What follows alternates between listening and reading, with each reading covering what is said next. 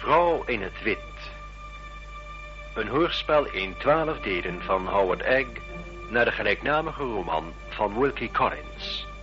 Regie Dick van Putten.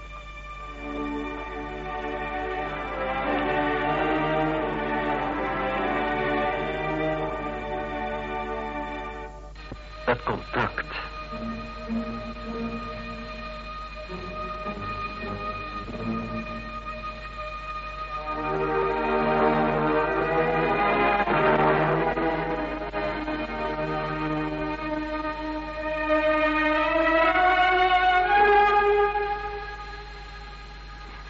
Dag dat Mr. Hartright, onze tekenleraar, verplicht was om Limerick House plotseling te verlaten en naar Londen terug te keren, moet ik, Marion Helcom, erkennen een gevoel te hebben van verlies en van onbehagen. Van verlies omdat er iemand was weggegaan die ik vertrouwde en op wie ik mij kon verlaten.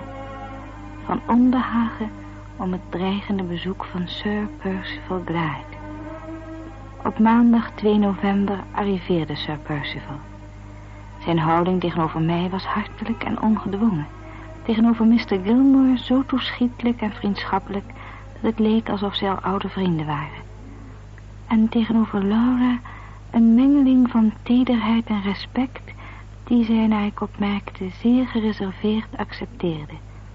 Zelfs zo dat zij op die eerste avond, vlak na het diner een excuus zocht om ons alleen in de salon achter te laten. Nu Miss Fairley ons heeft verlaten, zou ik, als u mij toestaat, bijzonder gaarne willen praten over bepaalde moeilijkheden die ik zo spoedig mogelijk uit de weg geruimd wil hebben. Op een reis van Hampshire hierheen heb ik Londen aangedaan en mijn advocaat Mr. Berryman bezocht. Hij toonde mij de papieren die u, Mr. Gilmore, hem een dag of wat daarvoor geloof ik had toegezonden. Dat klopt, Sir Percival. Papieren die betrekking hadden op een anonieme brief die Miss Fairley had ontvangen. De kopie van die brief heb ik ingezien. Het origineel heb ik behouden om door u te laten controleren. Zeer verstandig, Mr. Gilmore. Maar dat lijkt me overbodig. U kunt het behouden. Laat u mij voor we verder gaan een verklaring geven. Hm. Waarmee zal ik beginnen? Ja. In het verleden heeft Mrs. Catherick, de moeder van Anne Catherick, trouwe diensten bewezen zowel aan mijn familie als aan mezelf. Om die redenen meende ik zekere verplichtingen tegenover haar te hebben. Volkomen duidelijk, Sir Percival. Zij was zo ongelukkig te trouwen met een man die haar in de steek heeft gelaten... met een dochter wier geestvermogens niet verder reikte dan van een kind op jonge leeftijd. Van welke leeftijd, Sir Percival? Och, laten we zeggen, acht, negen, tien jaar.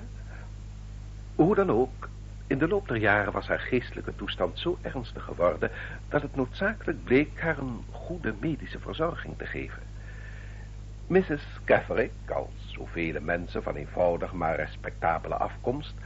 had een vooroordeel tegen het doen opnemen van haar kind als een armlastige... in een of andere openbare inrichting... Kunt u zich dat indenken? Natuurlijk, natuurlijk. Daarom besloot ik uit waardering voor Mrs. Catherick... de kosten op mij te nemen voor de verpleging van haar dochter... in een vertrouwde, particuliere inrichting. Bijzonder edelmoedig van u. Oh, hoegenaamd niet. Het leek mij het minste wat ik voor de arme vrouw kon doen.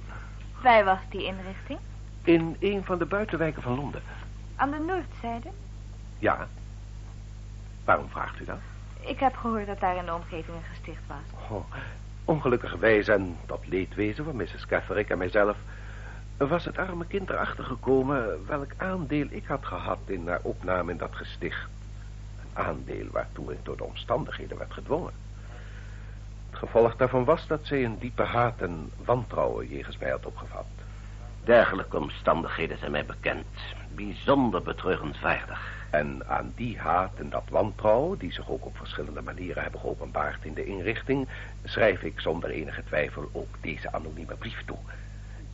Is het nodig nog meer te zeggen? Nee, dat geloof ik niet, Sir Percival. Ik kan u de namen en adressen geven van de twee doktoren op wie haar test en Catherick werd opgenomen. En ik ben bereid op welke vraag ook te antwoorden en elke onzekerheid op te helderen. Intussen heb ik gemeend te moeten doen wat mijn plicht was... en mijn advocaat opgedragen geen kosten te ontzien... om Anne Catherick op te sporen... en haar opnieuw onder medisch toezicht te plaatsen. En nu ben ik slechts vol verlangen ook mijn plicht te doen... tegenover Miss Fairley en haar familie... op dezelfde eerlijke en openhartige wijze...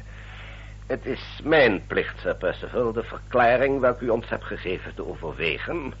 en naar eer en geweten te oordelen of die voor dan wel tegen u spreekt.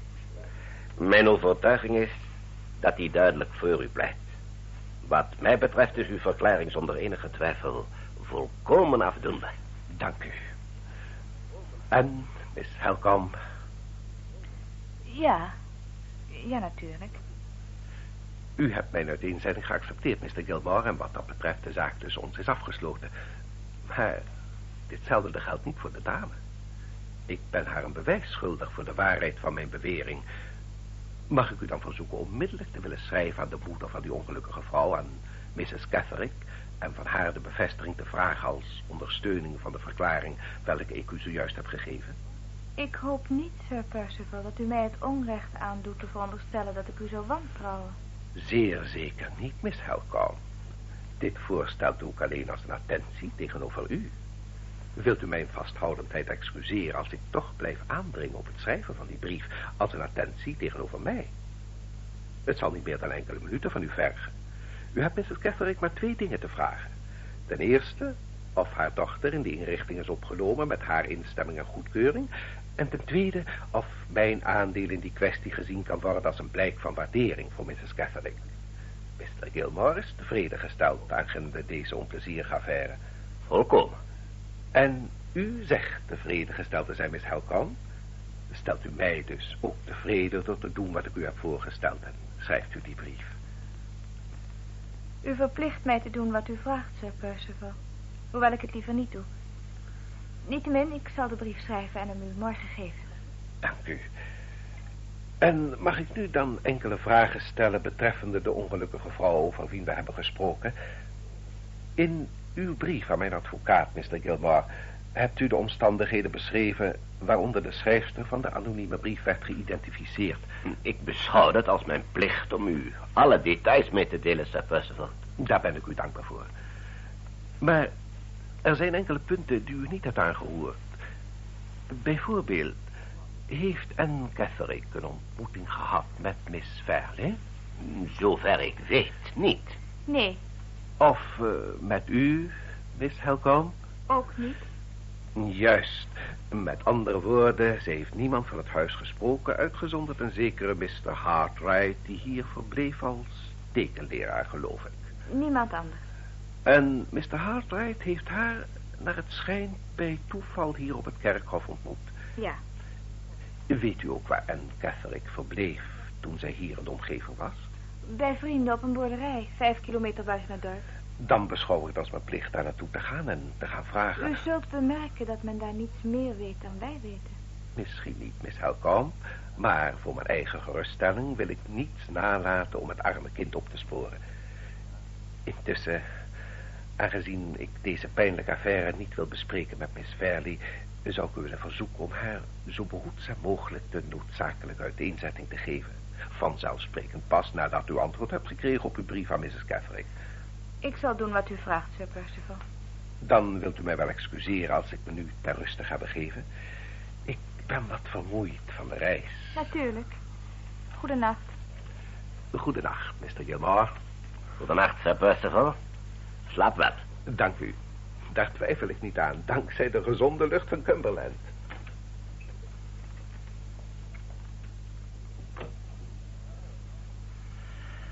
Wel, Miss Helcom. Dit is een gelukkig einde van een dag die vol zorgen is begonnen. Vindt u ook niet? Ja, ongetwijfeld. Het verheugt mij dat u zo gerustgesteld bent. Ik alleen. Als u die brief hebt geschreven, zult u ook gerustgesteld zijn. Oh ja. Hoe zou het anders kunnen? Ik had alleen graag gewild dat Walter Hartright hier vanavond was geweest... om de verklaring van Sir Percival aan te horen. Mr. Hartright was betrokken bij die anonieme brief... en ik moet toegeven dat hij zich daarbij op een uiterst discrete wijze heeft gedragen. Maar ik zie niet in dat zijn aanwezigheid van enige invloed kan zijn geweest op uw mening of de mijne. Het was ook zomaar een gedachte. Het is niet nodig daar verder over uit te wijden, Mr. Gilmore. Uw ervaring is voor mij de beste leidraad die ik me kan wensen. Als er nog dingen zijn waaraan u twijfelt, waarom zegt u mij die dan niet? Zeg eens eerlijk. Hebt u enige reden om Sir Percival te wantrouwen? Geen enkele. Hebt u iets onwaarschijnlijks of tegenstrijders bespeurd in zijn verklaring? Hoe zou dat mogelijk zijn nadat hij met bewijs van de waarheid heeft geleverd? Jawel nu dan. Als het antwoord van Mrs. Kesselwick op uw brief gunstig is, en daar twijfel ik niet aan, dan zie ik persoonlijk niet in wat wij mogelijkerwijze nog meer van Sir Percival mogen verwachten. Hecht u niet te veel waarde aan mijn aarzelende houding, Mr. Gilmore. Waarschijnlijk komt het doordat ik de laatste tijd overbezorgd ben voor Laura. Hm. Zegt u maar niets, Miss Helcom, ik begrijp het.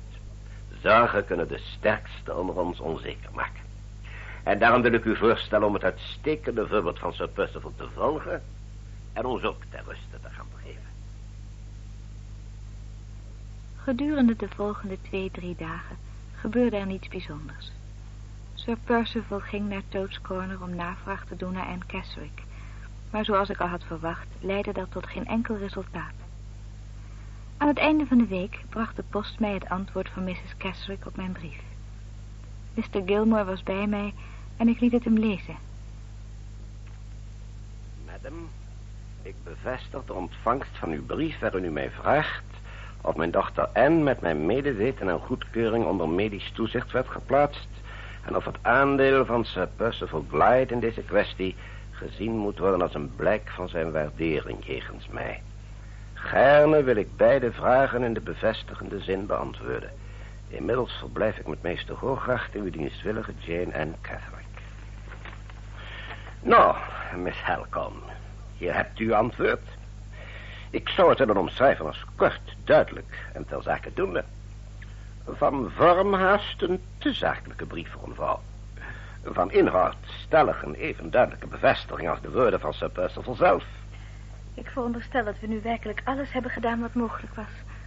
Als wij ons beschouwen als vrienden van Sir Percival, die hem kennen en vertrouwen, dan hebben we alles gedaan wat mogelijk was. En zelfs meer dan dat. Maar zien wij ons als zijn vijanden, die hem verdenken... Dat alternatief kan buiten beschouwing blijven. Juist. Toen ik een deze dagen een rijtour maakte met Sir Percival, sprak hij over Laura. Hij uitte de wens dat er geen enkele dwang op haar zou worden uitgeoefend betreffende dit huwelijk. Dat is bijzonder edelmoedig van hem. Hij ging zelfs zo ver te zeggen dat als zij oprecht wenst om haar verloving met hem te verbreken en zij hem dit persoonlijk zou zeggen, hij dan zijn gevoelens zou opofferen en haar volkomen vrijheid tot handelen zou laten. Geen man kan een eerlijker uitspraak doen, Miss Helkamp. Ik spreek uit ervaring als ik beweer dat maar weinig mannen in zijn situatie hetzelfde gezegd zouden hebben. Mr. Gilmore, ik beschuldig niemand en ik verdenk niemand. Maar ik kan en wil niet de verantwoordelijkheid op mij nemen om Laura tot dit huwelijk te overreden. Ja, maar dat is toch juist wat Sir Percival verlangt.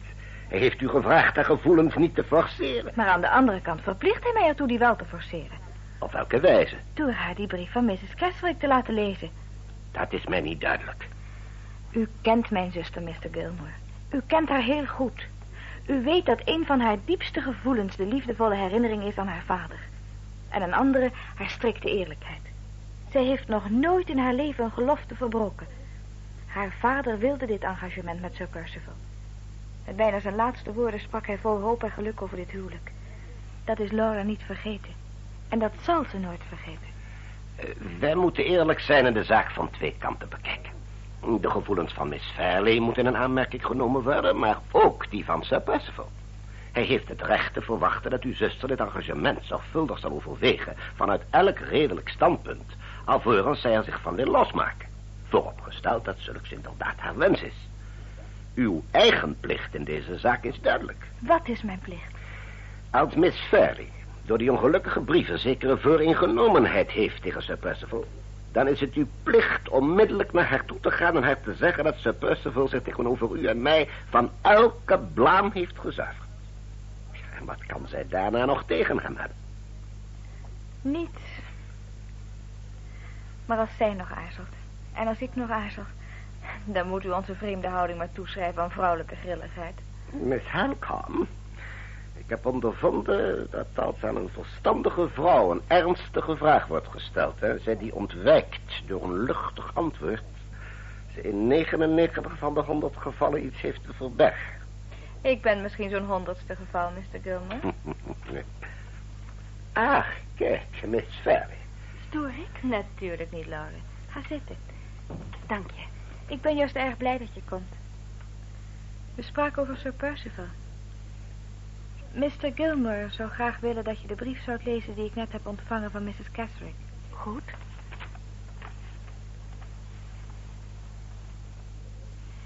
Dit antwoord bevestigt zonder enige twijfel het aandeel dat Sir Percival in deze ongelukkige geschiedenis heeft gehad. Wat zegt mijn zuster ervan? Ik heb Mr. Gilmer gezegd dat ik niemand beschuldig en niemand verdenk. Maar ik moet je iets vertellen dat ik tot nu toe voor je heb verzwegen, Laura. Het doel van Sir Percival's bezoek. Hij is hier gekomen om jou te overreden een datum vast te stellen voor het huwelijk. Daar kan ik niet over praten. Daarop kan ik geen antwoord geven. Maar beste Miss Fairley. Als ik word gedwongen... Zolang ik hier ben, zal niemand je dwingen. Laten we redelijk blijven. Sir Percival zou wel een bijzonder man zijn als hij nog de interesse, nog het verlangen had... te weten wanneer het engagement dat al meer dan twee jaar duurt door een huwelijk bekrachtigd zal worden. Ik beloof hem een antwoord te zullen geven. Maar niet nu. Niet nu. Voor, voor het einde van het jaar zal ik het hem zeggen.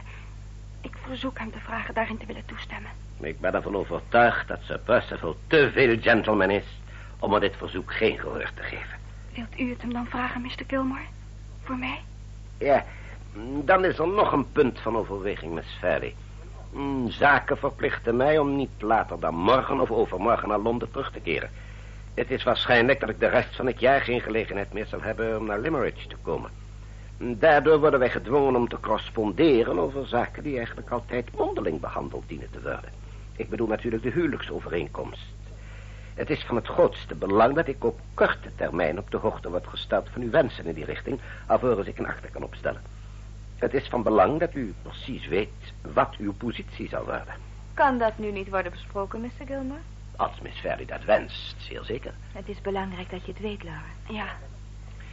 Uh, laat mij dan in het kort uiteenzetten wat uw positie nu is en hoe die zal worden in de toekomst. Ten eerste de mogelijke erfenis van vaste goederen en landerijen als uw oom komt te sterven. Ten tweede de vastgestelde erfenis van persoonlijk eigendom en geld als u in maart aanstaande meerderjarig wordt. En laten we eerst de landerijen nemen. Die zijn een investering van uw oom en tenzij hij gaat trouwen en een erfgenaam nalaat.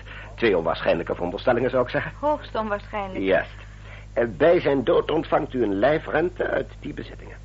Die rente, dat inkomen, een goede 3000 pond per jaar, krijgt u voor de duur van uw leven. Daarna, volgens de schikking die ik bedoel voor u te maken, gaat het over op uw echtgenoot voor de duur van zijn leven. En als u een zoon krijgt, wordt hij natuurlijk erfgenaam. Dus een huwelijk van Sir Percival met mijn zuster geeft hem uitzicht op twee voordelen, als ik goed begrijp.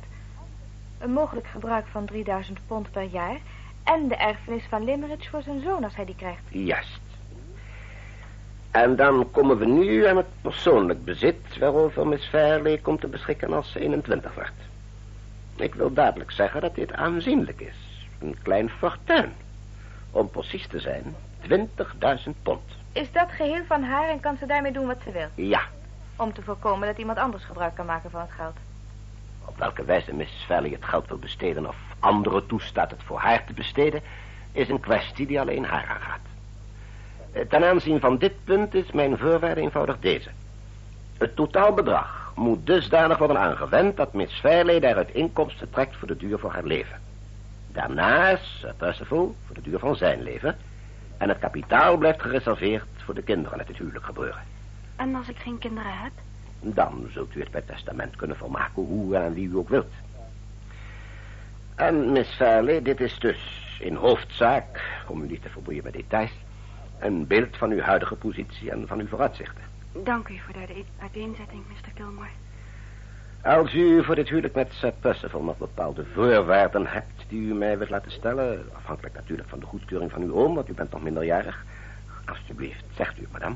Ik heb één voorwaarde. Ja? Als ik trouw met Sir Percival, dan wil ik niet gescheiden worden van mijn zuster. Ik wil heel duidelijk vastgesteld hebben dat Marion bij mij blijft, waar ik ook kom te wonen. Oh, liefje, ik geloof echt niet dat je dat kunt verlangen. Nog, ik meen dat dit het best persoonlijk geregeld kan worden als de tijd daar is. Wat mij nu betreft, Miss Valley, ik zou graag weten wat uw definitieve uitspraak is... voor ik naar Londen terugkeer. Die kan ik u niet zeggen, Mr. Gilmore. Jabber, dit is misschien nog de enige gelegenheid hier. Ik heb het u beloofd. Tegen het einde van het jaar zal ik Sir Percival mijn antwoord geven. Niet eerder. Goed dan. Ik zal niet langer aandringen. U kent uw eigen mening het beste, Miss Valley. De volgende dag vertrok Mr. Gilmore om terug te keren naar Londen. Naar zijn houding en blik te oordelen zou ik zeggen dat hij teleurgesteld was in het naar zijn mening onredelijke aarzelende standpunt van Laura. Toen ik later op de dag naar Laura's kamer ging, vond ik haar daar nerveus heen en weer lopen. Ik ben blij dat je er bent, Marion. Ik moet noodzakelijk met je praten.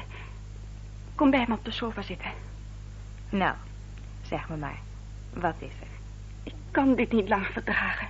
Er moet een eind aan komen. Nou, nou, vertel me nou eens rustig. Waar maak je je zorgen over? Waar moet een eind aan komen? Aan deze situatie.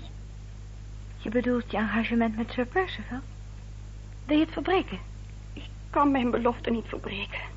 En de wens van mijn vader negeren. Wat wil je dan? Ik wil Sir Percival de waarheid zeggen... en hem in staat stellen mij vrij te laten, als hij dat wil. Niet omdat ik het hem vraag, maar omdat hij dan alles weet. Ik begrijp het niet. Wat bedoel je met alles? Sir Percival zal genoeg weten als hij verneemt dat deze verloving in strijd is met jouw wensen. Hij moet weten waarom, Marion. Ik moet hem de reden vertellen. Ik moet hem zeggen dat... Laura, wil je jezelf vernederen door hem dat te bekennen? Ik zou mij alleen vernederen als ik voor hem verborgen houd wat hij volgens recht moet weten. Hij heeft geen enkel recht om dat te weten. Je vergist je. Ik mag niemand bedriegen. Zeker niet de man aan wie mijn vader zijn woord heeft gegeven. En aan wie ik zelf mijn woord heb gegeven. Ik zou in mijn gedachten oneerlijk tegen hem zijn. En nog oneerlijker door die gedachten voor hem verborgen te houden. Jij houdt te veel van mij, Marion. En daardoor wil je voor mij niet de bezwaren zien... die je voor jezelf wel zou zien. De rollen zijn omgedraaid, Laura. Voor het eerst in ons leven ben jij de resolute partij... en ik... ik ben de weifelende. Je bent toch niet boos, Marion? Mijn verstand zegt dat ik dit doen moet. Ik zal niet zeggen waarover wij ons boven te schamen. Maar ik zal me gerust voelen door een eind te maken aan die verheimelijking. Als ik dat heb gedaan... als hij heeft gehoord wat ik heb te zeggen... dan kan hij tegenover mij handelen zoals hij wil. Die avond, toen Laura Sir Percival goede nacht wenste... zei ze heel rustig dat ze hem na het ontbijt wilde spreken. Hij zou haar en mij in haar zitkamer kunnen vinden. Ik begreep dat zij niet van gedachten was veranderd... en ik had een angstig voorgevoel wat het einde zou zijn. Toen de volgende morgen de kleine klok op de schoorsteenmantel elf uur had geslagen... werd er op de deur geklopt en kwam Sir Percival binnen. Zijn gelaat weerspiegelde een onderdrukt gevoel van bezorgdheid en spanning.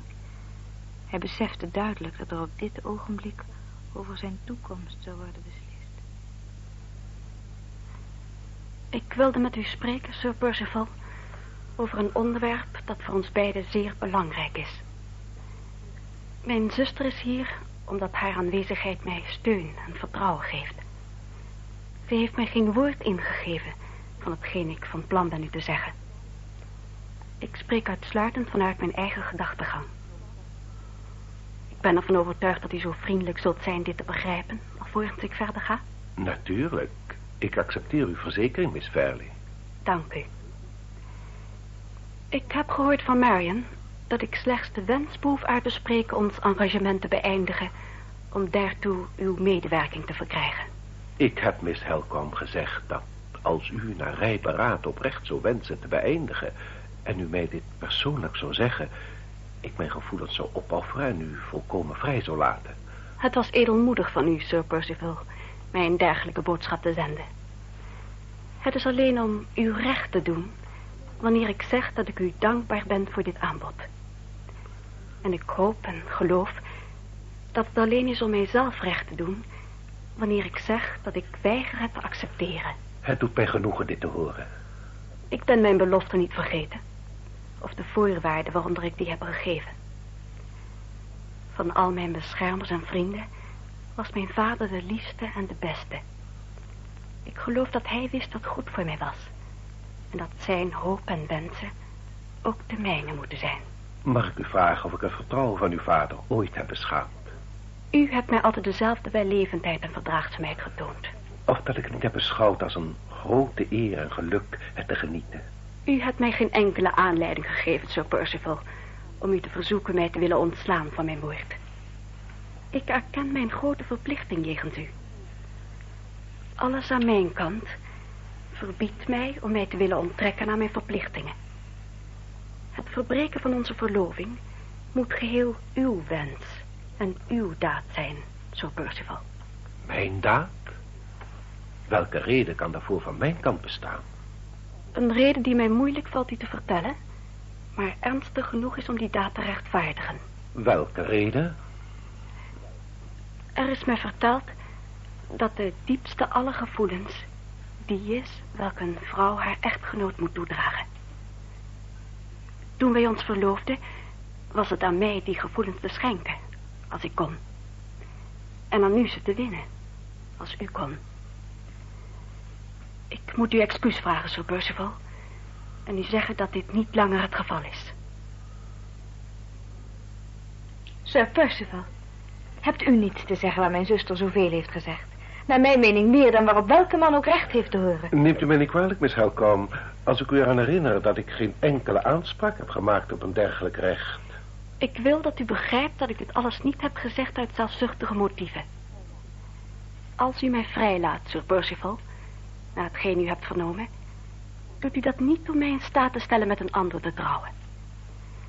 Daarover is tussen mij en de man die ik bedoel met geen enkel woord gesproken. Ik heb geen uiting gegeven aan mijn gevoelens voor hem en hij heeft dat niet gedaan tegenover mij. Waarschijnlijk zullen we elkaar nooit meer zien.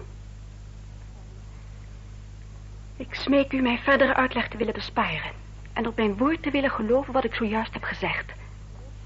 En dat is voldoende om u het recht te geven onze verbintenis te verbreken. Integendeel, Miss Fairley. U hebt mij genoeg gezegd om het tot mijn grootste wens te maken mij aan de verbintenis te houden. Sir Percival. U hebt het aan mij overgelaten en ik heb u mijn antwoord gegeven. Ik ben niet zo harteloos om een vrouw in de steek te laten die zich zo openhartig en edelmoedig heeft getoond. Maar die u niet haar liefde kan geven. Nog niet, misschien. Maar in de toekomst. Als het mijn enig levensdoel is om die liefde te verwerven. Nooit. Als u blijft volharden, zal ik uw trouwe en toegewijde vrouw zijn. Maar een liefhebbende vrouw, nooit. Uw trouw en toewijding zal ik dankbaar aanvaarden. Ik ben niet zo nieuwsgierig om te willen weten of dat contact waarvan u sprak van recente datum is of niet, of wie die persoon is. Ik ben tevreden met hetgeen u mij heeft verteld. Ik zou u alleen willen aanraden om het verschil te overwegen tussen het verkwisten van uw leven aan iets dat u zelf hopeloos noemt en een stralende toekomst als de vrouw van een man die u aanbidt. In het laatste geval is er kans op enig geluk. In het eerste totaal niet. Daarom zal ik onze verbintenis als gehandhaafd blijven beschouwen, Miss Fairley. En later een gelegenheid zoeken om met u een datum voor de huwelijksplechtigheid te bespreken. Wilt u mij nu toestaan te vertrekken?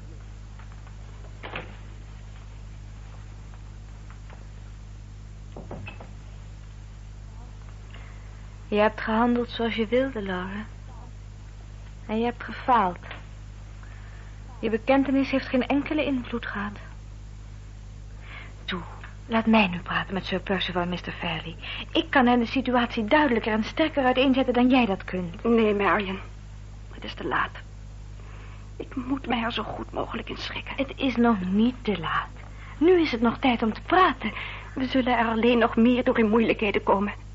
Jij zult ongetwijfeld woorden krijgen met mijn oom. Sir Percival reden geven tot beklag. Wat deert ons zijn beklag? Wil jij je hart breken door hem zijn zin te geven? Laat mij met je oom praten. Ik brand van verlangen om hem te zeggen dat hij en Sir Percival me niet alles kunnen doen wat ze willen. Het heeft geen zin. Het zal niets veranderen aan wat er moet gebeuren. Vroeg of laat. Ik ben gebonden aan mijn woord. Ik zal toestemmen in welke schikking ook die mijn oom als het beste oordeelt. Hij zal alles doen om het huwelijk te verhaasten, dat weet je. Wat zou dat? Die donkere dag zal toch komen. Ook al wordt die uitgesteld.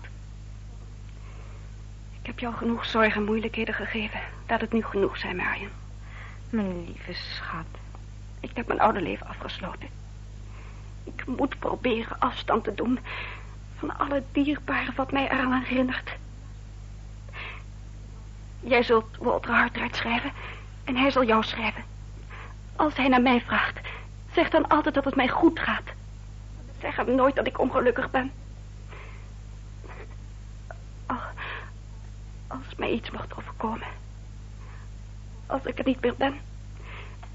Dan kan je hem zeggen wat ik hem zelf nooit kon zeggen. Dat ik zo ontzettend veel van hem heb gehouden. Sir Percival had een onderhoud met Mr. Fairley. Het doel van zijn bezoek is bereikt. Er is een afspraak gemaakt. De huwelijksinzegening zal plaatsvinden in de kerk van Limerick op vrijdag 22 december. Precies drie maanden voor Laura meerderjarig wordt. De enige hoop is nu nog dat Sir Percival's motief om op dit huwelijk aan te dringen en Laura aan haar woord te houden ondanks alles wat hij weet, inderdaad, zoals hij zegt, voortvloeit uit zijn grote liefde en bewondering voor haar. Maar ik twijfel er heel sterk aan.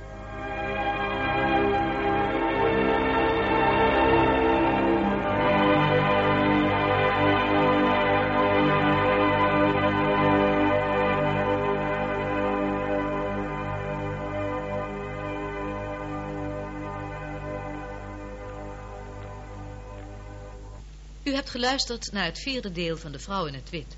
Een hoorspelserie geschreven door Wilkie Collins. De rolverdeling was als volgt. Laura, Irene Porter. Gilmore, Rob Gerards. Sir Percival, Huip Orizant. En Marion, Annemarie van Ees. De regie had Dick van Putten.